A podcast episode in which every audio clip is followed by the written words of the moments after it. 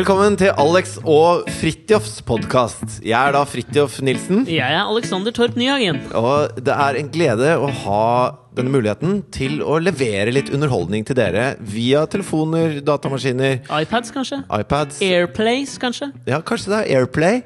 Du, jeg fikk akkurat pepper av noen som Jeg har fått melding på Facebook, og så svarte jeg tilbake. Ja. Og så skrev jeg at uh, det var hyggelig at du sendte mail. Facebook-mail. Veldig gammel, uh, Ja. gammelaktig skrevet av For det fikk jeg tilbake også. Jøss, man skjønner at du er gammel, liksom, så kaller det for mail. Ja, men det, jeg støtter det, jeg. Hva heter det? Eh, En message? Ja, jeg tror det heter message. Det er jo, hva er mail, da? Det er uh, Tekst som sendes over verdensveven til en mottaker. Jeg føler at det er programmet du bruker, eller liksom det tingen du bruker, som definerer hva det er. Facebook er mer sånn instant message, men en mail er da må du, For å sende mail så må du over i et mailprogram. Facebook er jo et sosialt medium. Så hvis du er inne på google.com da, og bruker Ja. gmailen din inne på Google, Ja? Uh, hva er forskjellen på det og mailen inne på Facebook? ja, men det er jo ikke mail på Facebook, det er mer en chattefunksjon. Nei, det er jo ikke det. Man sender, man sender en mail, og så svarer man tilbake på den. Jo, men det er jo, jeg tror det ble satt opp som en chat. Det er jo en chat, egentlig. Fordi hvis du ser på siden når du logger Fy faen, dette er kjedelig!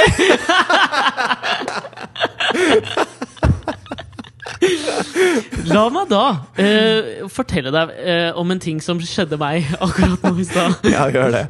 Eh, du var på kontoret, og jeg skulle gå ned fra Torshov til Grünerløkka, der hvor vårt kontor ligger. Som så ofte skjer. Føler du at jeg jobber mer enn deg, eller? Ja. Ja. Men nå har jeg Ja, Det har jeg følt mye på. Hatt mye dårlig samvittighet for akkurat det.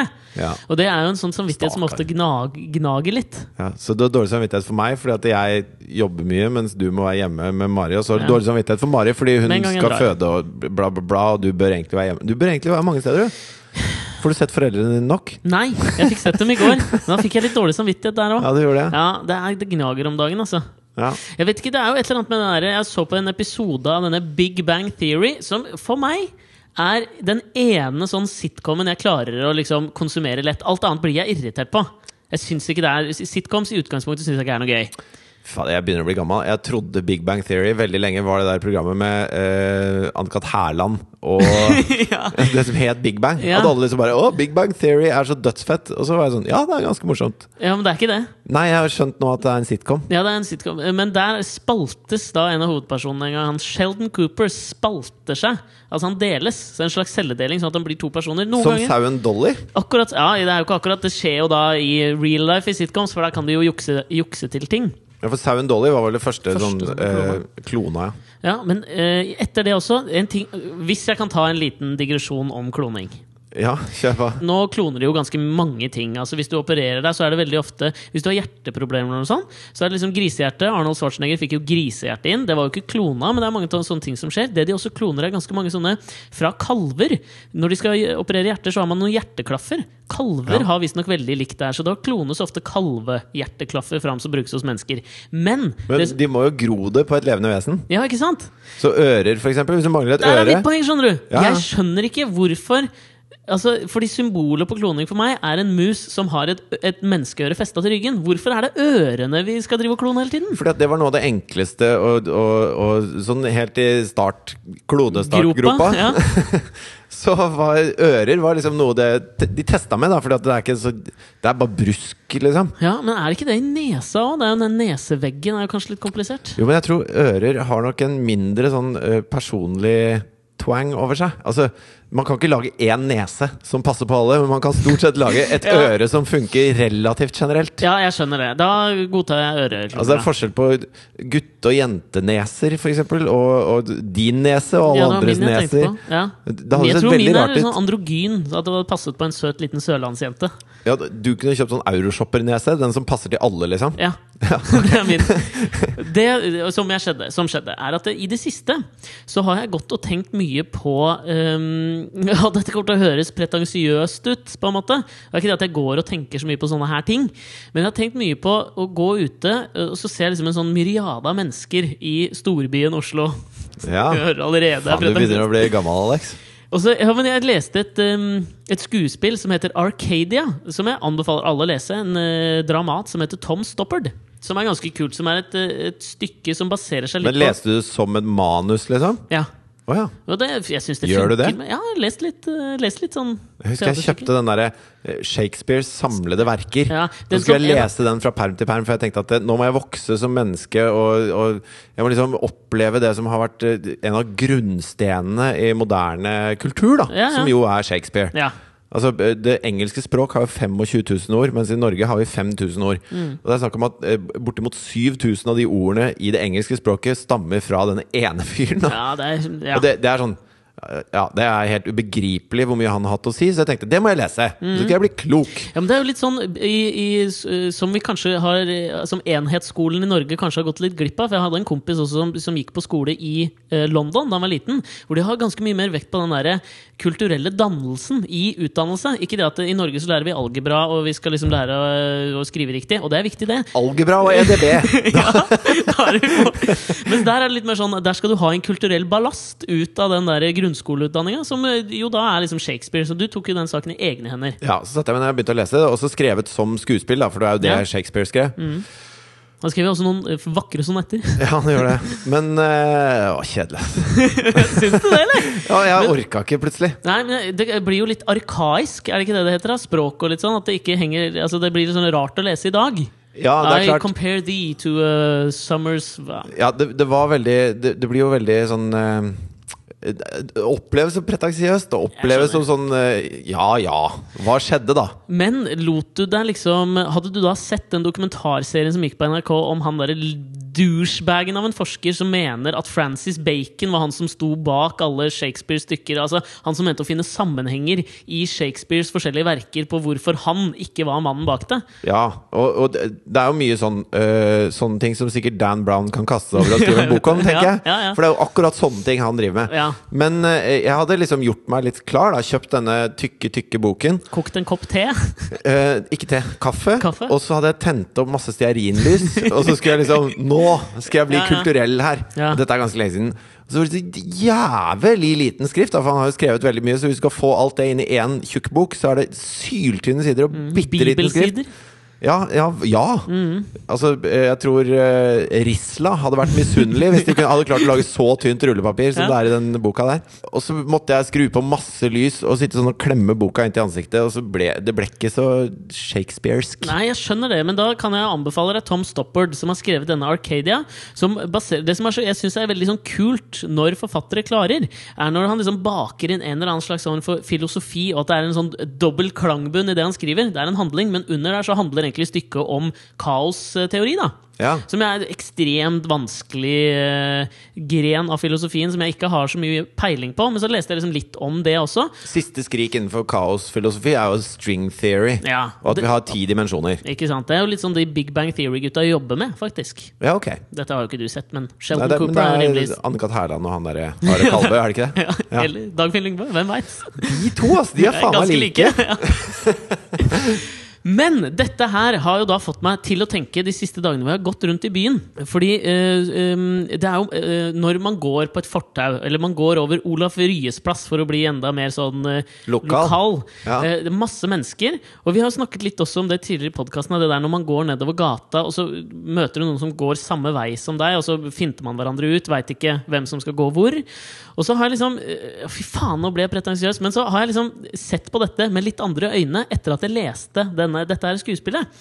Eh, Fordi på en eller annen måte så, Det er flaut å si. Så, så blir dette her til en slags sånn, nesten sånn dan, dans. Hvor folk liksom går forbi hverandre. Og du, du er, man er så nærme å treffe hverandre, men alt liksom sklir. Du ser nesten aldri mennesker krasje på gata. ikke sant? Nei. Ja, men Du gjør jo ikke det! Nei, jeg veit at det høres teit ut, men det jeg kommer til et med, poeng. Det har noe med farta å gjøre, da. At hvis man hadde gått i 40 km i timen, så hadde man sikkert krasja istedenfor å danse. Jo, men Hvis, bilen to, hvis, to ja, hvis, det ikke var noe, hvis det ikke var noe felter eller noe trafikklys, og de bare kjørte som en dans i 100 km i Ja, timen, hadde så hadde de jo satt bang når de møtte hverandre. Ja. Det er jo fordi vi rekker å stoppe. ja, og så er det fordi vi har noen regler, vi mennesker. Ikke sant? Det er noen regler for hvordan vi opptrer ute i denne slags eh, Denne moderne dansen samkvemmet mellom oss er. ikke sant? Få få høre den tesen din. nå. din Nei, men det er ikke en tese. Nei, men Det var bare da noe jeg, noe jeg opplevde på vei ned hit, da som liksom brøt med hele det. For da gikk jeg nedover Løkka, så så jeg på alt dette, og så var jeg helt sånn Jeg ble helt revet Litt yr? med. Jeg ble faktisk litt vi, vinteryr.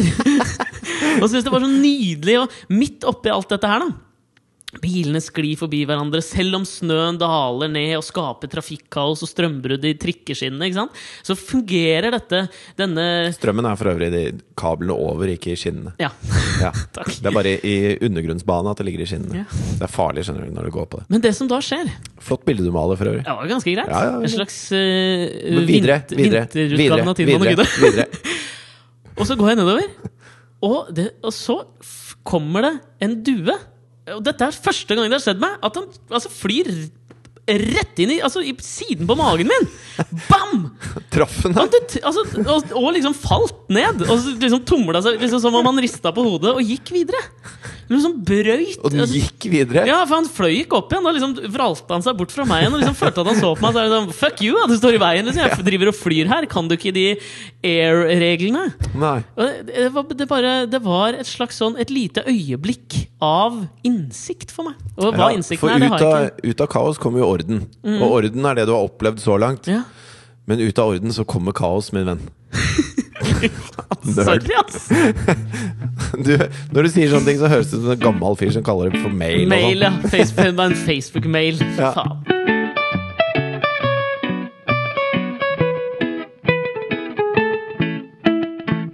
Men når du snakker om denne dansen som skjer, altså den dansen som oppstår da mellom mennesker i, i vinterkaoset i Oslo Ja. by Ja. Det er mange deler av den interaksjonen jeg syns er veldig gøyal. Ja.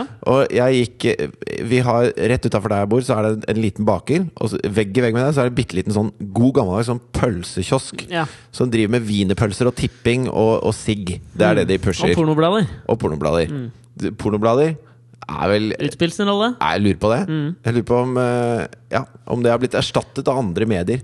Like arkaisk eller eh, som en slags Shakespeare-anakro... Hva er det heter for noe? Anakronisme eller noe sånt? Ja, hvis du, hvis du skal stille spørsmålet å være eller ikke være, så holder du ikke opp eh, en hodeskalle lenger. Nei. Du skriver en Facebook-oppdatering og ser hvor mange likes du får. Og Ja. det er det som avgjør om du skal være eller ikke være. Ja.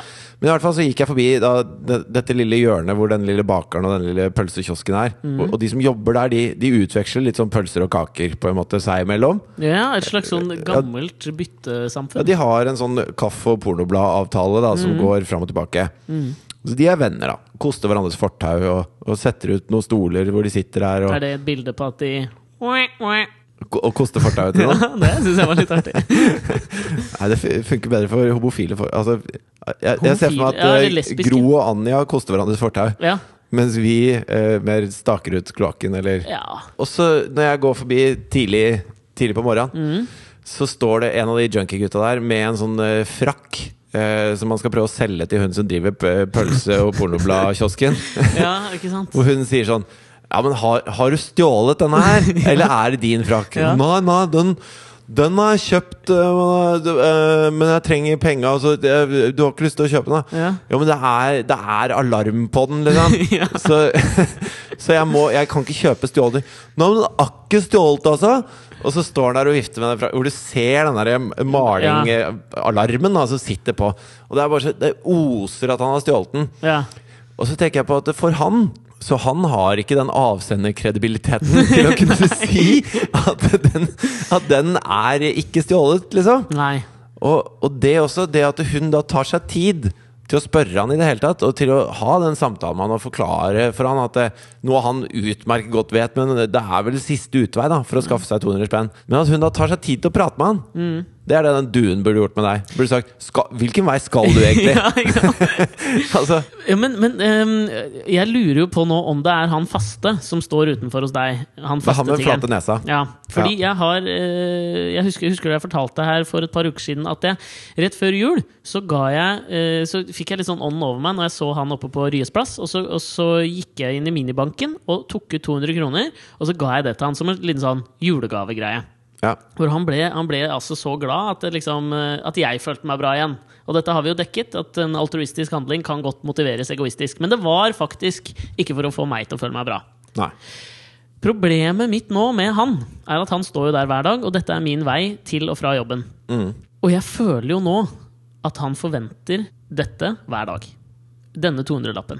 Så jeg, Ja. altså, det som var altså det, jeg tror jeg, jeg, Det blir jo veldig mye. Ja, det, det blir for Det blir 6000 i måneden, det er bare til han. Det går ikke. Nei. Det har jeg ikke råd til. Nei. Skal få barn, for faen.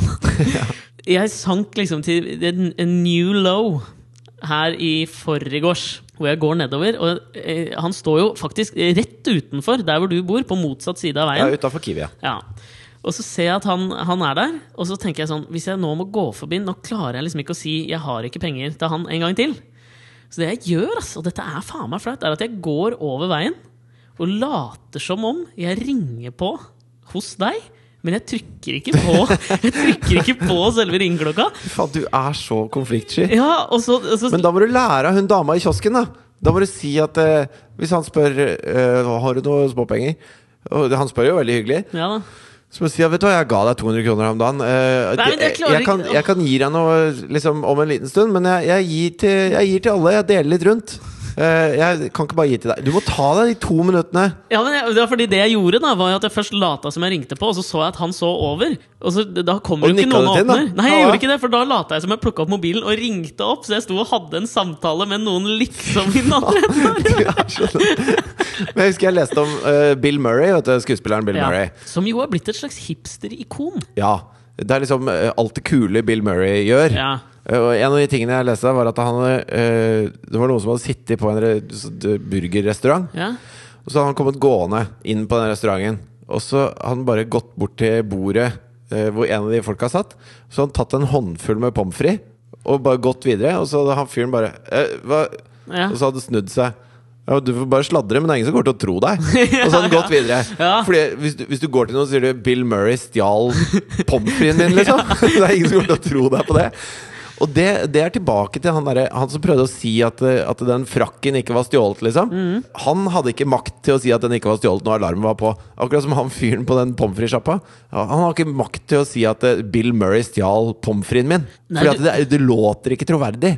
Nei, og Og det gjør det faen ikke når du står utafor døra hos meg mens du skuler sånn redd bort på han der uteliggeren som Som du bruker tid av dagen din på på å ikke prate med og ikke gi penger. Det tar jo like lang tid for meg å, å, å, lage hele denne situasjonen som Ja. det hadde vært å gå bort og bare si 'sorry, kompis'. Skam deg, Alex. Ja, Skam men, deg. jeg hadde, jeg, men der bare, det var liksom sånn Nå føler jeg at jeg har sagt nei så mange ganger. Og så tenker jeg, husker han meg? Ja, men si noe mer enn nei, da. Nei, men jeg sier jo det. Sorry, jeg har ikke akkurat nå. Men så tenker jeg også at, at det er veldig sånn koselig det er hvis, hvis, du kommer, hvis du hadde tatt en ordentlig prat med han altså, i morgen. Så, 'Hallo, Alex. Hei.' Ja. Ja, det Så kan du gå videre, og så er, så er det kompisaktig, liksom. Jo, men jeg, den, det som gjør meg flau, er at jeg føler at hvis jeg minner han på at jeg ga han 200 kroner en gang, og derfor må jeg vente litt, så føles det så jævlig selvopptatt. skjønner du? At han liksom tenker Ja, for en douche han der greia, fyren der er. 200 kroner er jo faen meg tre måneder siden. Er han fattig, eller? Jeg ser jo på det akneskjerfet ditt at du har spenn. Jeg kan love deg at han husker ikke hvem som har gitt hva når. Nei, og da Jeg føler jeg, kan at gi han spenn spenn på vei inn på Kiwi, og så kjøper jeg en Litago, og så kommer jeg ut igjen, og da har han lyst på den Litagoen også. Og har ikke sett meg før i hele sitt liv. ja, er, ja, men det er da jeg føler meg så selvopptatt, hvis jeg skal liksom minne han på at jeg ga han penger for en måned siden, liksom. Skjønner du? Jeg har en idé. Ja. Neste gang du går forbi, så tar du med en sånn liten, du vet, en sånn liten notisbok. Og så, og, så, og så skriver du 200 kroner, han med den flate nesa, og så får du han til å sette en sånn liten signatur jo på liksom den siden. Er han- for da kommer han til å huske deg. Og da veit han at det, eh, og da vet han at, det, at det, Fy faen!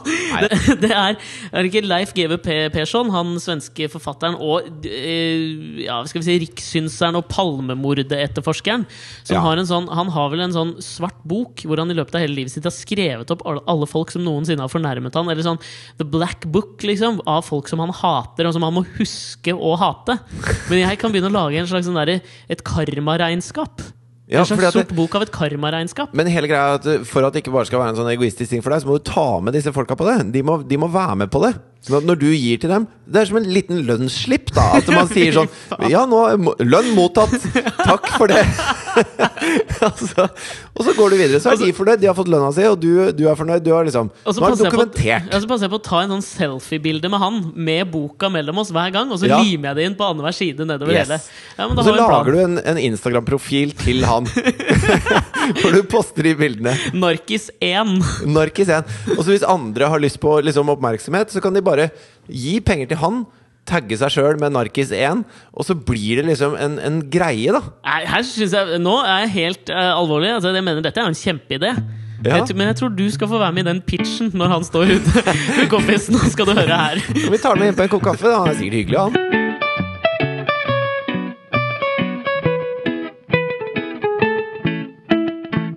Nå er ikke jeg den store fotballentusiasten, men en tidligere spiller på Aston Villa sto, Aston! Sånn uttaler jeg det! Hvis jeg skal si det på en annen måte, Ja. kan du sende meg en mail på Facebook. Ja. Men i hvert fall Aston Villa, mm. en som akkurat har slutta i Aston Villa, som, som sto fram som homofil. Thomas Hitzelsberger tror jeg er en tysk fotballspiller. Det kan stemme. Det høres veldig ut som riktig navn. Ja. Og da var det en eh, reportasje da, om at ingen Det, det fins én spiller i europeisk fotball som er åpent homofil mens han er aktiv spiller. Ja.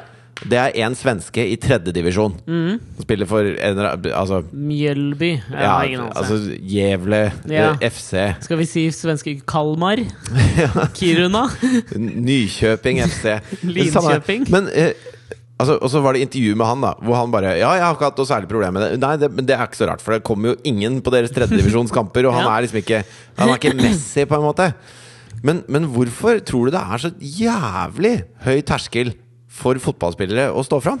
Det var jo en eh, fyr i, som tidligere hadde spilt i Lyn også. I Norge så har vi hatt sånn én fyr som har stått fram etter at han uh, la opp som spiller og fortalte at han var homofil. Men det der er jo litt sånn høna eller egget. Jeg tror jo, sånn, I kvinnefotball er det helt motsatt. ikke sant? Der er jo 70-80% Du blir uglesett hvis du er hvis du er heterofil. heterofil. Ja, kanskje ikke uglesett. Jeg føler at det, Den homofile befolkningen er veldig åpne og inkluderende. Masse sånne lesbiske ugler som ser på deg bare faen er det? Det er der uttrykket uglesett kommer fra. Nei, men Det er spørsmålet om det er, faktisk er mange som er eh, i skapet homofile, eller om de homofile kanskje ikke tiltrekkes av fotball.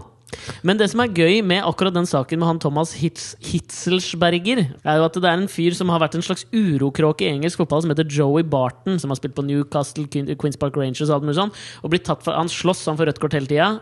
Nå Ja. snobber jeg det ned for å forklare deg eh, dette her, fotballmessig. Ja, ja. Eh, som nå spiller i Frankrike. Han har vel merkelappen drittsekk. Eh, og han gikk ut på Twitter og støtta eh, Thomas Hitzelsberger. Fordi det var en del andre fotballspillere som liksom eh, Og i Frankrike en brasiliansk midtstopper som heter Alex, sånn, som kom med en, sånn, eh, en del sånn nedverdigende kommentarer etter dette her. Ja. Og det, synes jeg det, det, er jo, det er jo en tankevekker når man tegner opp et bilde liksom, av liksom, en fotballspiller som Han er liksom rasshøl, han er drittsekk på banen, og så viser det bølla er han som gir tommelen opp? ja, han gir tommelen opp. Det syns jeg er jævla Det er noe nydelig. Det er litt sånn Det er noe karma oppi det der òg. Ja, men jeg, føl jeg føler at det er mye lettere å være homofil i Europa generelt enn det er å være det i Latin-Amerika. Ja, jeg det er gøy med å bruke Europa, for det er noe sånn veldig amerikanere sier når de skal reise på ferie. Where are you going? I'm going to Europe. Det- For det fins bare kontinenter for dem. Ikke sant? Og de er Amerika, Ja. og så har du Europa, Asia og Afrika. Ja. Og så har du de der Latin-Amerika. Men Ja. det, er, det er bare sånn Det er bare en liksom- gjeng med wetbacks, som de sier i LA, fordi de svømmer da over for å komme seg til?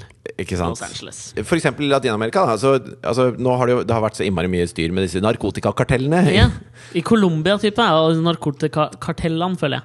Og Mexico i Mexico, veldig stor grad. ja, og så er det uh, en sånn, et kartell som heter Knights Templar.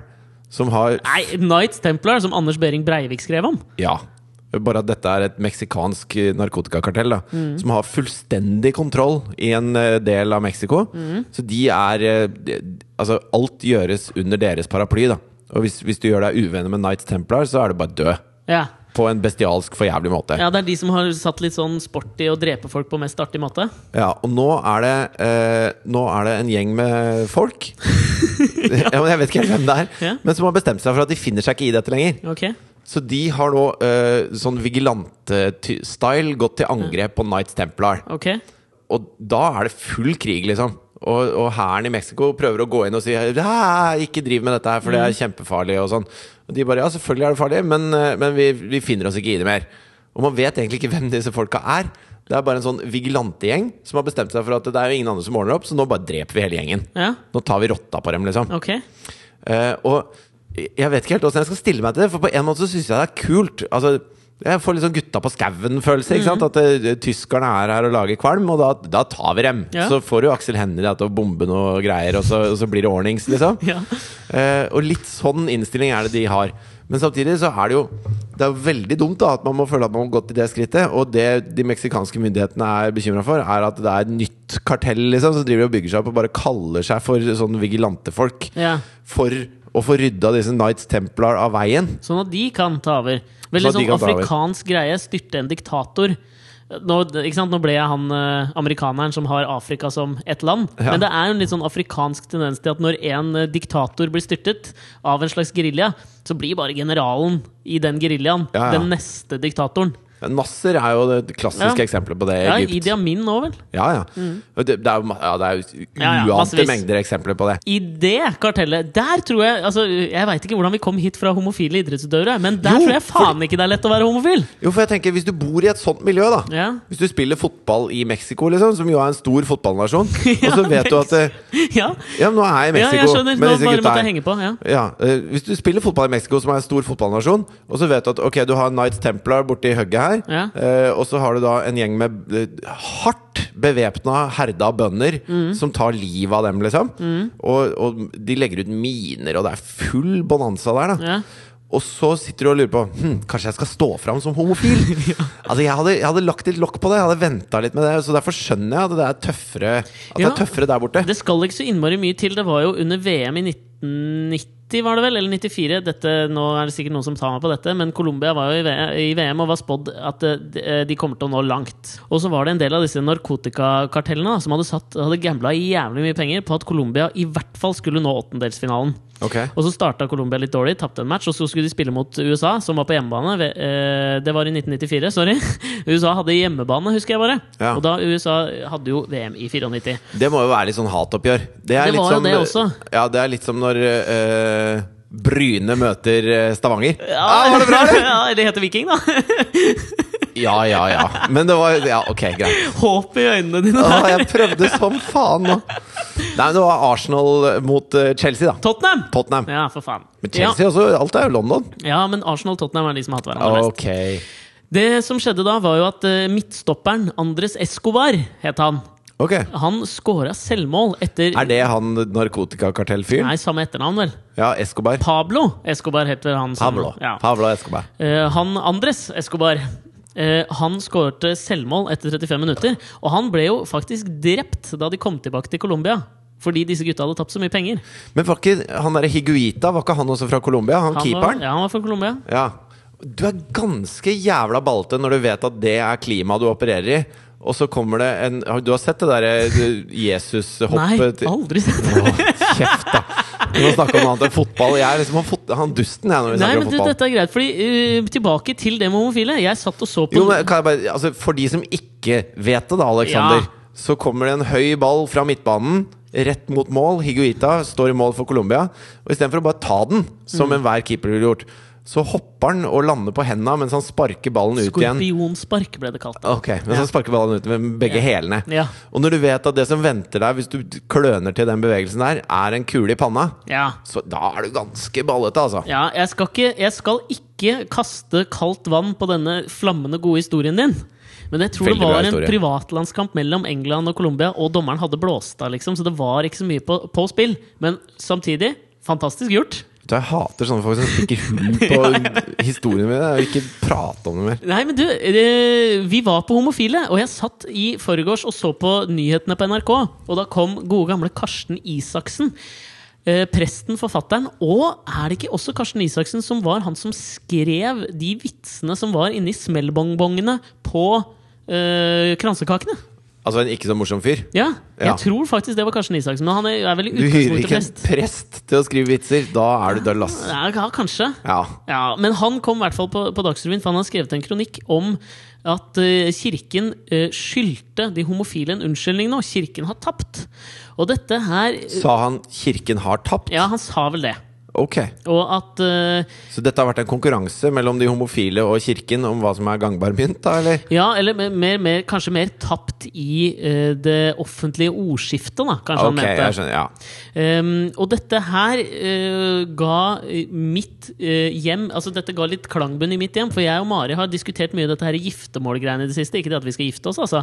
Men vi kom jo inn på dette med om man skal døpe vårt ufødte barn eller ikke, og hvor man skal gjøre det. ja. Fordi man har jo mulighet til å døpe i kirken, eller så kan man gjøre det humanetisk i rådhuset. Jeg ville jo dratt til England, jeg. Hvorfor det? Fordi at det er en sånn eh, dagligvarekjede som heter Asda. Som er bare sånn, Det er litt sånn Lidl eh, bare i England. Ja. Masse billigdritt. Jeg ville gjort det på Asta. Ja, siden hun skal hete Asta. Poetisk greie å gjøre. Det er vakkert. Men vi har nå i hvert fall diskutert det litt om eh, For jeg har egentlig hele tiden tenkt Jeg er jo ikke medlem av statskirken, og og det er ikke Mari heller. Og, og da liksom skal vi da døpe kirken Fordi det er jo en, altså, Si hva du vil, men kirken er en flott ramme for seremonier. Det er en kul bygning. Veldig tøff bygning, og det er det det er for meg, da. Ja. Men så føles det jo litt sånn dobbeltmoralsk for oss å stå der og love at det skal oppdras i kristen tro. Nå er det kanskje fadderne som gjør det, men uansett, det er jo vi som har ansvaret. Ja. Um, hvor vi også da, etter å ha bestemt oss for at jeg, jeg tror ikke vi gjør det i kirken, så kommer vi over på da Men kan man gifte seg i kirken, selv om man ikke er eh, kristen? Og så Da har liksom min greie vært det at eh, jeg har ikke så jævla mye mot kristendommen per se. Men det er jo kirken og dens utøvere jeg sliter litt med å godta. liksom. Det er jo prestene og de som tolker kristendommen, som alltid har slitt med. Og hvis jeg da liksom, Unnskyldningen min er at eh, kristendommen, er, kristendommen er grei, men jeg vil gifte meg i det rommet som de folka er i, så er det jo jævla dobbeltmoralsk av meg å gifte meg i kirken. Det er jo veldig mange som gifter seg i kirken selv om de ikke er spesielt kristne. Det er det. Jeg Og tipper det er 90 Ja, det tror jeg kanskje overdriver litt, men eh, det er ganske mange. Altså Kanskje 90% av giftermålene, hvor i hvert fall én av dem ikke er så spesielt kristen. En ljuger til Gud. Ja. Og så, og så står man der, og så, og så uh, sier jo presten en del sånne ting som at dette er en hellig union mellom mann og kvinne innenfor Guds åsyn og Bla, bla, bla, bla, bla. Uh, og, så, og så er det jo et av de viktigere spørsmålene man svarer på der, da. Tar du denne kvinnen som står ved siden av deg? Ja. Og så sier du ja. Og, det, og det er et øyeblikk som skal være fylt med sannhet, tenker jeg da. Ja. Sannhet, en stor, viktig ting, da. ja. Og at du da etterpå skal liksom uh, stå der og, og mumle med på Fader vår og, og masse annet som du syns er litt svada for deg, da. ja, ja. er jo veldig rart at man skal pakke inn denne store livssannheten med en løgn. Ja. Det, det, det syns jeg er litt merkelig. Ja, det er det, men samtidig da, så har jo jeg tenkt det, for jeg har litt lyst til å gifte meg i kirken, fordi den er helt sånn øh, av Altså, den er helt sekularisert for meg, på en eller annen måte. Det har blitt en sånn det, Kirken for meg har blitt en institusjon for seremonier, høydepunkter blir, i ja, men livet. det blir sånn, altså Pasifistforeningen har ikke julebord med paintball. Skjønner du? ikke sant? Det er, det er litt sånn. Ja, At men, dere, la, dere later som eh, Dere later som Gud er med, ja, la, selv om er dere det- ikke tror Gud er med. Ja, det er det som skjer, da. Men det er derfor jeg føler ikke at jeg på et eller annet nivå Og dette er jo min, min eneste sånn unnskyldning for at jeg kan gjøre det, er at jeg står og lover noe til en fyr jeg ikke tror fins. Og da spiller det vel ikke noen rolle om jeg lover det til han, for da er det jo egentlig et løfte til meg selv, tenker jeg. Gud er i alt. En slags panteistisk oh ja, så du tenker løfte. at du Summen av deg og Er summen Gud. av menneskene rundt deg er Gud. Ja. Eh, Altså Guddommeligheten fins i menneskeheten. Ja, så fremt vi klarer å opprettholde den dansen som jeg tidligere nevnte, og det ikke kommer en eller annen slags hvit fredsdue inn og krasjer i meg, det er et jævla illevarslende tegn hvis det Ja, skjer det i er et omen som du skal ta alvorlig.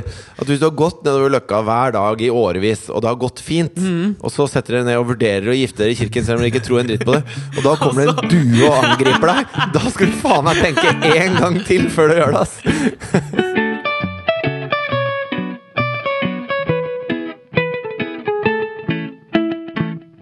Men man snakker jo om kristendommen som det er én ting. Mm. Altså Hvis vi skal bevege oss litt inn på dette med krig og fred og Religion og religion sånn. og politikk og sånn Ja.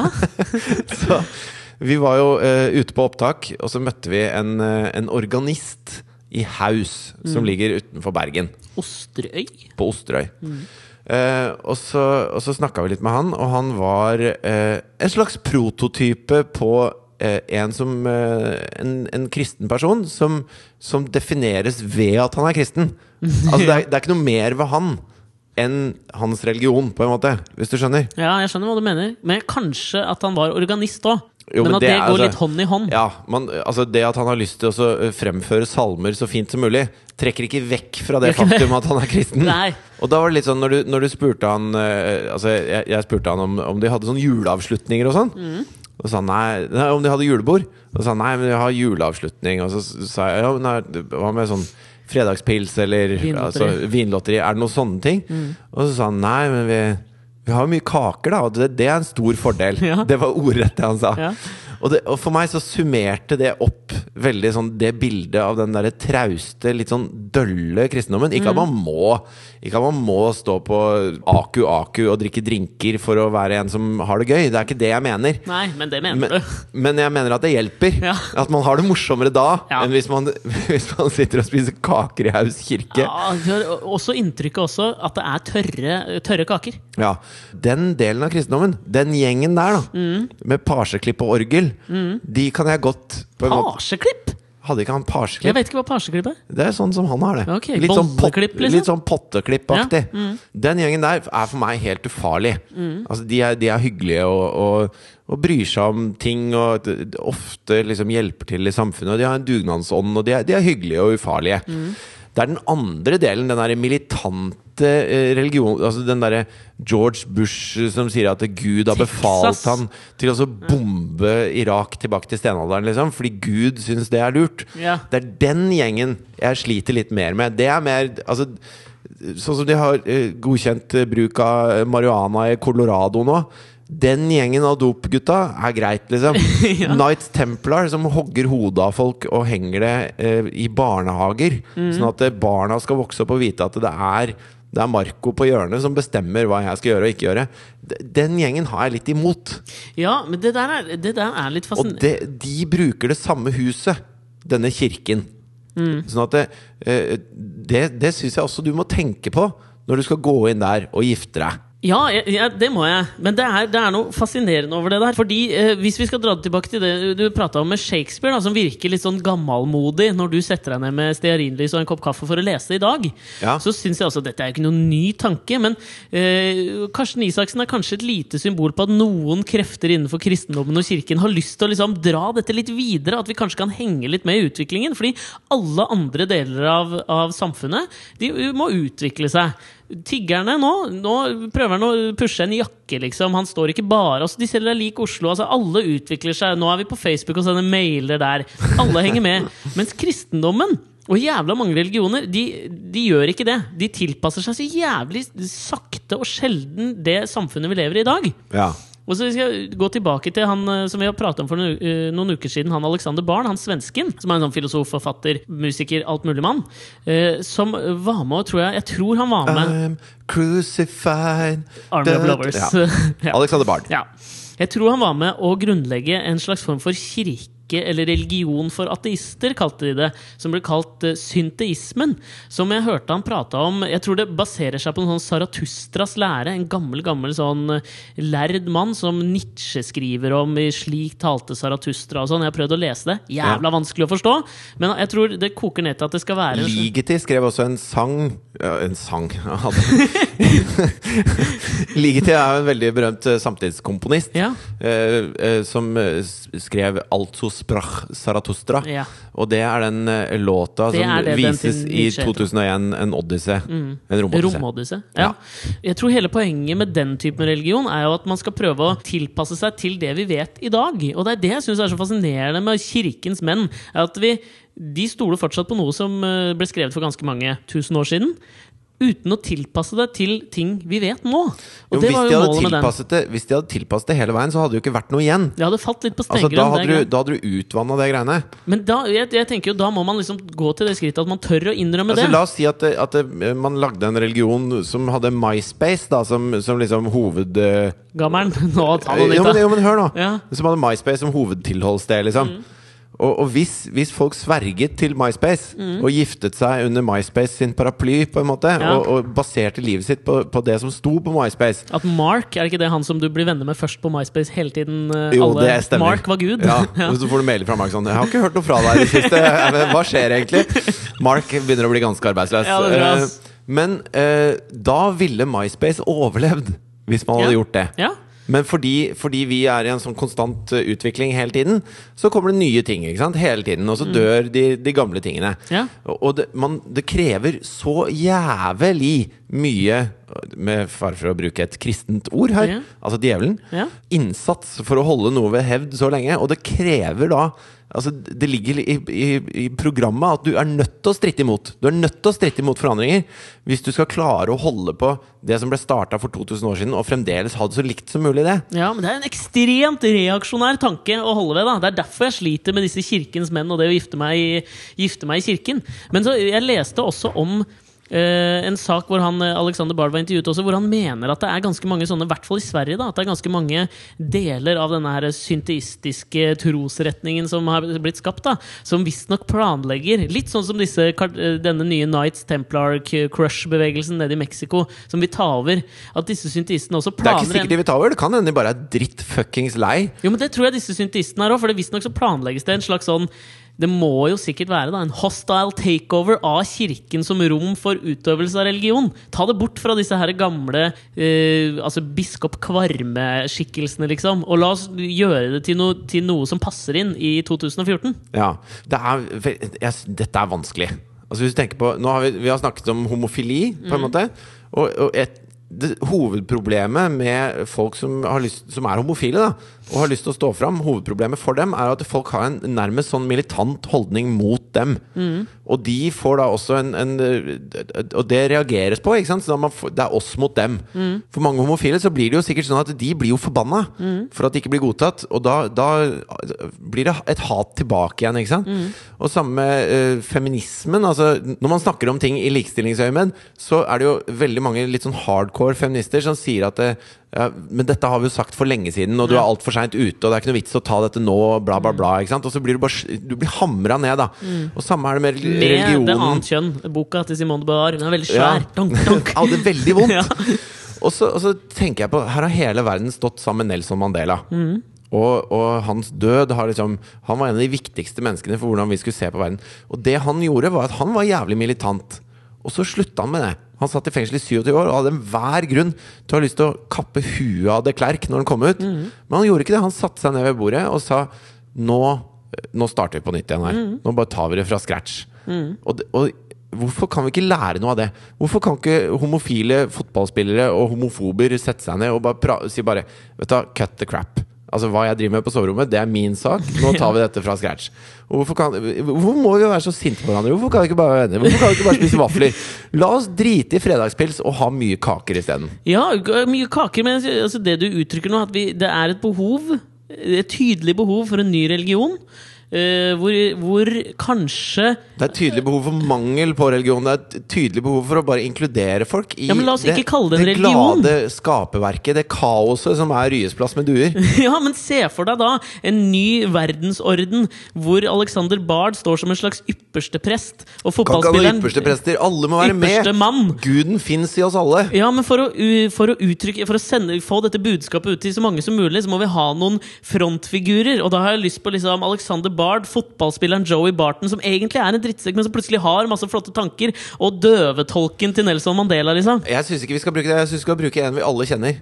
Hvem da? Nå, ikke, vet du hva første jeg tenker på hvem vi alle kjenner, så tenker jeg Karsten Isaksen. Det må jeg trekke tilbake. Jeg tenker på Mark fra MySpace. Hva skal denne religionen hete? Markoolio? Nei, faen, det er tatt!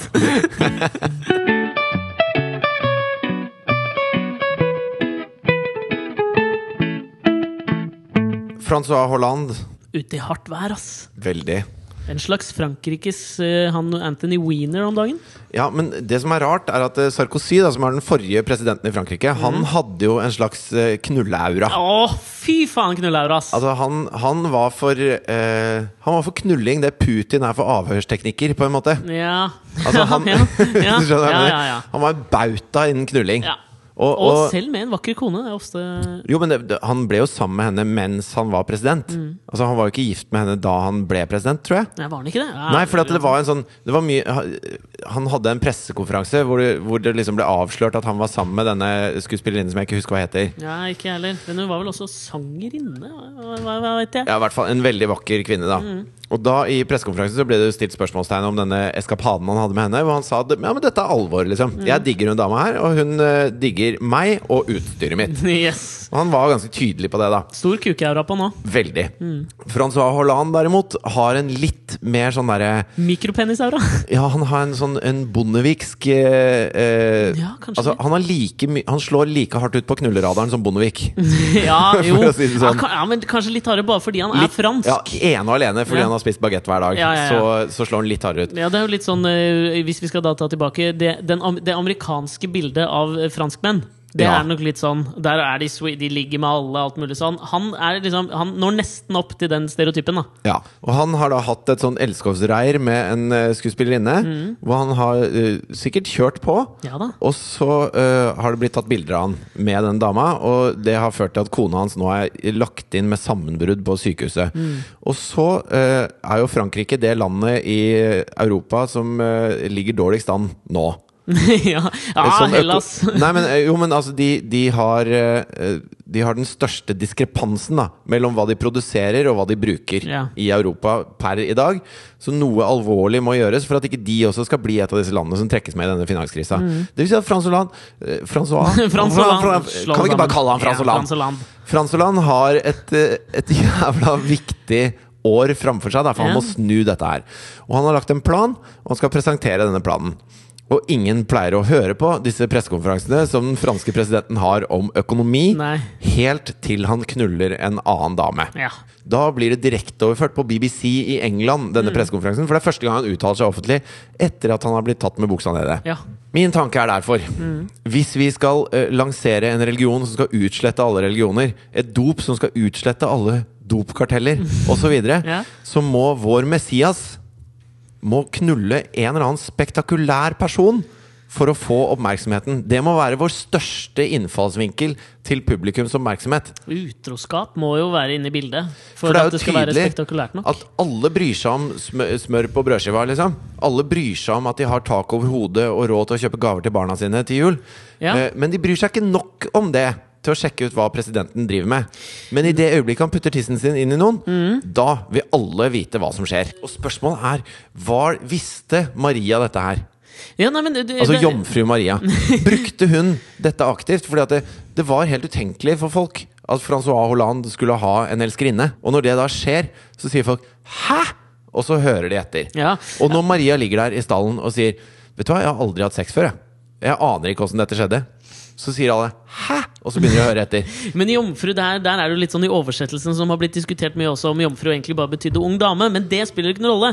Poenget der er at det, øh, Jo, det, Kan for- bruke han døvetolken til Nelson Mandela. Ja, det var for å finne som ut det. Men jeg så denne Blue Jasmine-filmen i går. Ja. Den seneste til, til Woody Allen, som handler om Det er vel en slags sånn Inspirert av en ganske sann historie med han Bernie Madoff, han finansfyren på Wall Street som, gikk, som lurte en hel haug med tusen mennesker og tapte masse penger. Hvor kona Ble han kalt uh, The White Whale? Eller The Great Whale? Eller et eller annet? Det kan jo være en slags Moby Dick-analogi. Jeg vet ikke. Det er ikke jeg. Nei.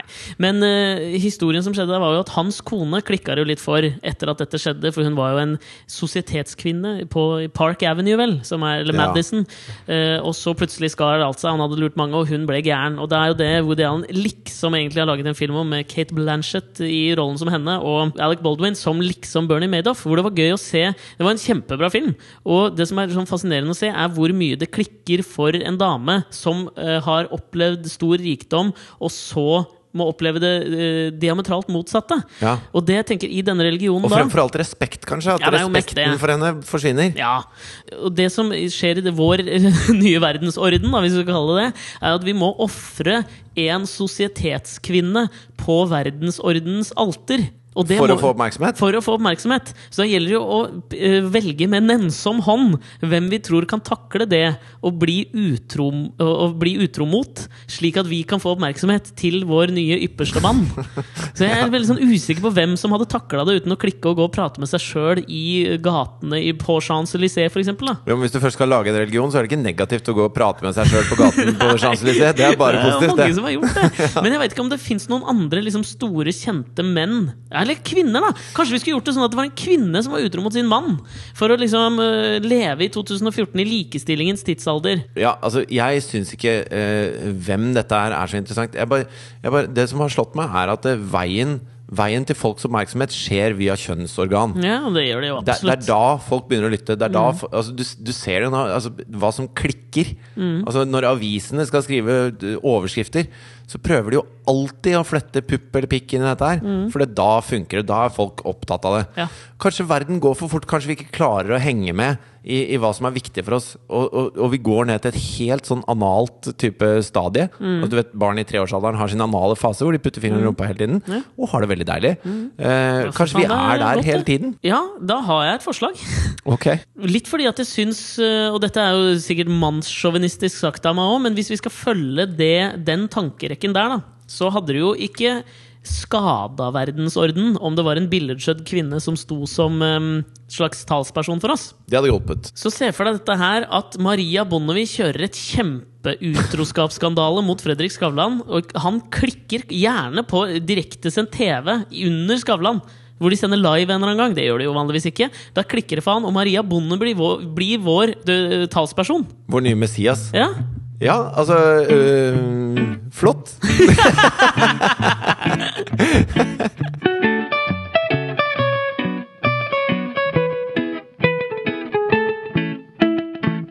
Jeg tror det du har glemt i denne jakten på hvem som skal ligge med hvem for å lage en ny verdensreligion, er at vi har jo en Messias allerede. ja. Og hele verden vet hvem han er.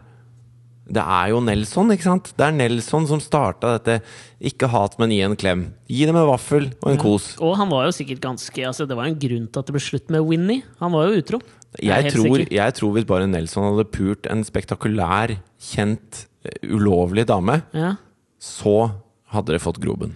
Da hadde det blitt, hadde blitt skrevet bøker opp og bøker ned om Nelson Mandela og hans magiske tryllestav. og det hadde snudd verdensopinionen mot krig, for fred og gjenforening. Tusen takk. Der slutter vi. Takk for at dere har hørt på Alex og Fridtjofs podkast denne uka. Send oss mailer og like oss på Facebook. Og gjør som denne fantastiske selgeren jeg møtte her forleden dag da jeg kjøpte meg en lampe på Illums bolighus, som uh, sa til meg at hun likte godt podkasten, kjente igjen stemmen, og det er jo noe som varmer mer enn noe annet, syns Tok deg på stemmen. Ja, hun tok meg på stemmen, ass. Fy fader, Det- det, da- er props! Sånn blir jeg utrolig glad, og det er jo det vi lever av. Er jo bekreftelse og tilbakemelding. Send oss mail, gjerne på Facebook. Ha det bra! Ha det!